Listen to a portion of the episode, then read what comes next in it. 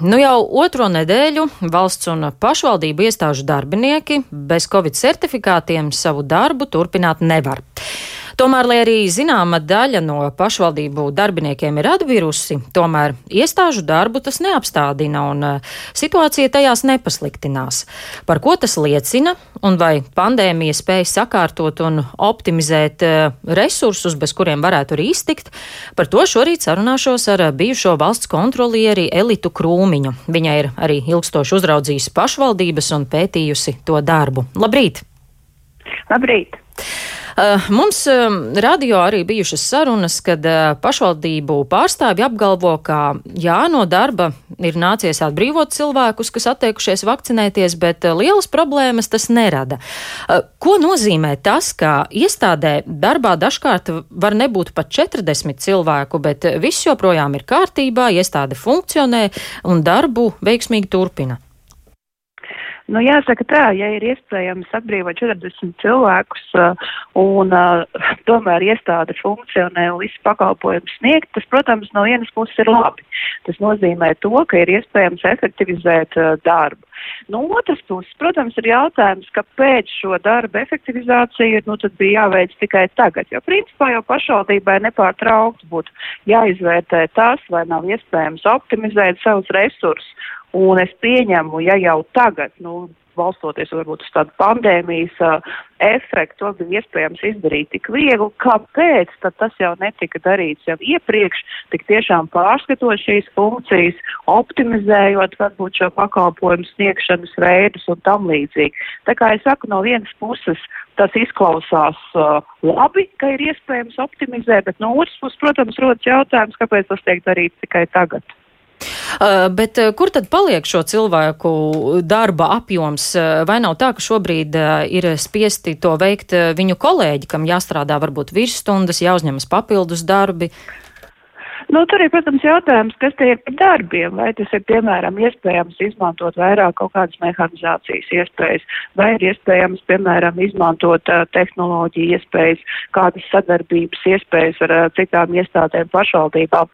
Jo savulaik arī veicot revīzijas pašvaldībās, mēs uh, nu, diezgan bieži redzējām, ka tā darbība notiek, nu, varētu teikt, pa tādu iemītu taciņu, ka netiek skatīts no nu, šīs te iespējas optimizēt, nu, veikto darbību. Un jau pēc revīzijas diskusijām, ja, ka tika izvērtēts, kā, kā iespējams labāk nu, izmantot tās jaunās iespējas, ko, ko šīs dienas situācija dod gan tehnoloģija, gan mehanizācijas, gan citās jomās, to ir iespējams izdarīt.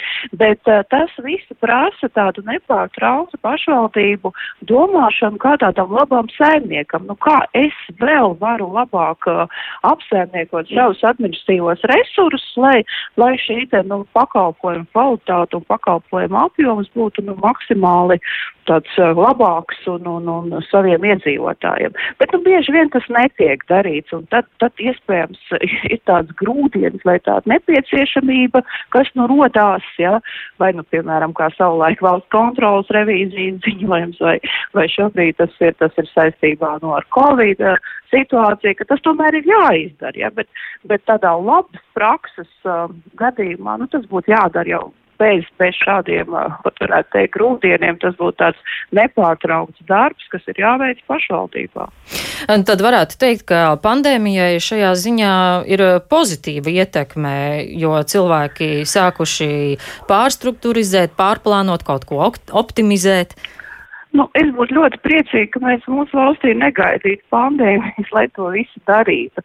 Jo te būtu nepieciešams varbūt vairāk vienkārši mainīt to domāšanas veidu, būt, nu, būt kā labam saimniekam, nu, bez šādiem varbūt arī tādiem negatīviem momentiem mūsu dzīvē, kas vienkārši nu, mums tad nepārprotam piespiež kaut ko izdarīt. Ja? Bet uh, katrā individuālā gadījumā, protams, tur jāstāsta situācija. Var jau būt, ka tur tik tiešām ir zudis šis pakalpojuma apjoms uh, cilvēku samazināšanas dēļ vai samazinājusies kvalitāte. To, to es nevaru tik konkrēti atbildēt par katru konkrēto vietu, bet uh, mana atbilde ir vairāk konceptuāla nu, par situāciju kopumā. Kā jums šķiet, kāpēc līdz šim netika šādā veidā pārskatīti resursi? Nu, ziniet, eh, viens ir tas, eh, ko mēs arī redzējām revīzijās, nu, vienkārši tiek nu, tādā dzīvot tādā ierastā ritmā. Nu, kā bija, tā ir. Īpaši varbūt nepievēršot tam uzmanību, nerēķinot izmaksas dažādiem pakalpojumiem, nedomājot par to, kā to var izdarīt labāk un efektīvāk. Bet jāsaka tā, ka, nu, principā arī pēc valsts kontrolas revīzijām, kad uh, tika pareiķināts, tika padomāts kopīgi, daudz lietas jau tika sakārtotas. Tā kā, nu, kaut kādi grūdieni pa laikam ir nepieciešami tādi, varbūt arī no malas, vai tie ir auditi, vai tie ir, nu, uh, vēl kaut kādas, uh, kaut kādi rīki, ja, kas tomēr ik pa laikam, tā teikt, sapurina un, un iedod to stimulu pastīties uz to savu saimniecību ar bišķi skatu no malas, ja, un padomāt, nu kā vēl, nu kā vēl to varētu izdarīt labāk, un, un iedzīvotājiem katrā pašvaldībā, protams, ir ļoti liela interese, lai viņi samaksātie nodokļi tik izmantot nu maksimāli racionāli un efektīvi, ja, bet es vēlreiz saku, man ļoti nepatīk tas, ka tas ir, ka tas ir pandēmija vai covid, kas tad beidzot liek to izdarīt. Nu, tā arī nav, nav, nav, nav labi. Vai mēs varam runāt par tendenci, ka ar laiku pašvaldība un valsts institūcijas ir uzblīdušas? Nu, ja, piemēram, paņem draugus vai radiniekus darbā, vai tomēr nav tik traki ar to Latvijā?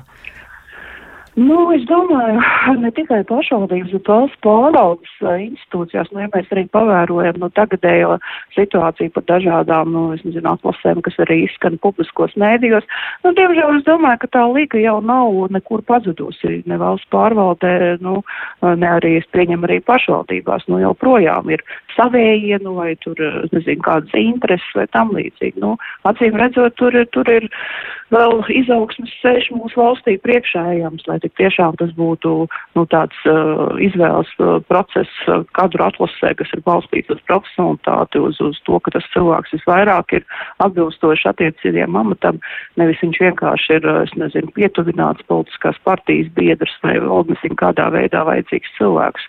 Nu, es domāju, ka to mēs katrs saprotam, ka šobrīd, šobrīd diemžēl, Latvijā, nu, šis, šis ir nu, tāds diezgan izplatīts uh, tāds uh, fakts.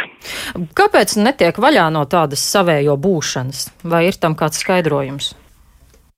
Nu, es domāju, ka netiek vaļā tāpēc, ka, nu, kā lai saka, nu, uh, diemžēl acīm redzot vēl tā politiskā kultūra, nu, vai arī vēl sabiedrības tāda zināma pasivitāte uz to visu raugoties, nu, tāda viņa vēl šobrīd Latvijā ir, nu, bet es ļoti ceru, ka, nu, ar vien uh, kļūstot aktīvākiem uh, cilvēkiem, vai pilsoniskai aktivitātei pieaugot, nu, tam vajadzētu iet mazumā. Nu, vismaz es tā ļoti ceru.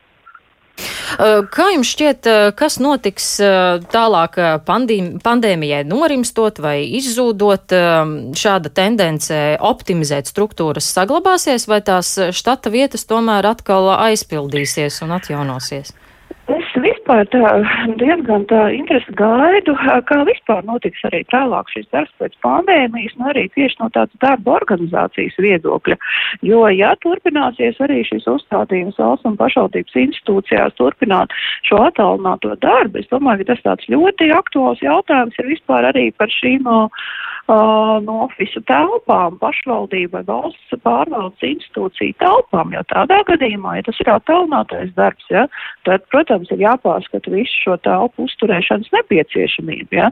Un, eh, nu, es kādā ziņā šobrīd tā nekur tā īpaši neesmu dzirdējusi, ka kāds par to būtu sācis runāt, jo tas ir ļoti liels finanšu resurs, tas ir arī nu, liet, ļoti liels tāds darbs, lai to visu pārskatītu, pārskatītu līgums un tam līdzīgi. Tas ir viens tāds ļoti liels bloks, kas principā būtu jārisina. Un, un ja tas tiek arī nu, kvalitīvi risināts, tas, protams, arī dod zinām finanšu ieguvumu, ja, ja, to, ja šīs telpas tālāk netiek, netiek izmantotas un šo resursu ir iespējams novirzīt, nu, kādām citām aktuālām vajadzībām. Mēs jau esam arī ziņojuši, ka, piemēram, Rīgas namu pārvaldnieks veido speciālas brigādes, kas veic šobrīd iztrūkstošo sētnieku darbus, ievieš arī dažādus mm. mehanizētus risinājumus. Šeit arī, protams, iezīmējas tendence, kā darbu var organizēt savādāk, un vai tas varētu saglabāties, nu, arī tālāk nākotnē meklēt lētākus, ekonomiskākus variantus ar mazāk cilvēkiem. Nu, es ļoti ceru, ka tas, ka tas varētu saglabāties un vienkārši atkal pēc tam, um, ka nenotiktu šī atslāpšana un atkal vienkārši tā teikt dzīvojam, kā saka, pa vecam, ja. Uh, nu, respektīvi, respektīvi, nu, joprojām, nu, šī kultūra vai šī domāšana valsts pārvaldes uh, institūciju vadītāju galvās būtu nepārtraukti jāturpina, es saku, uzturēt, ka ir visu laiku jādomā par to, nu kā, kā tu vari saimniekot. Nu, tie, tu vari saimniekot kā labs privātais saimnieks, kas nepārtraukti katru dienu domā par to, kā es varu samazināt savus izmaksas, kā es varu uzlabot savu pakalpojumu kvalitāti. Jo atkal, ja mēs runājam nu, par šo atlīdzības paaugstināšanu, ja, kas, kas, kas tika pieņemta uh, valstī pavisam nesen, tad visu laiku tiek runāts par atlīdzības pie, pielīdzināšanu privātajam sektoram. Bet tad atcerēsimies, ka ir jāprasa arī tādi paši rezultāti. Tāds pats, nu, darba sniegums, kā tiek sagaidīts nu, privātajā jomā. Ja? Un tas būtu ļoti, ļoti svarīgi. Paldies! Šorīt teikšu jums par sarunu. Sazvanījos ar bijušo valsts kontrolieri Elitu Krūmiņu.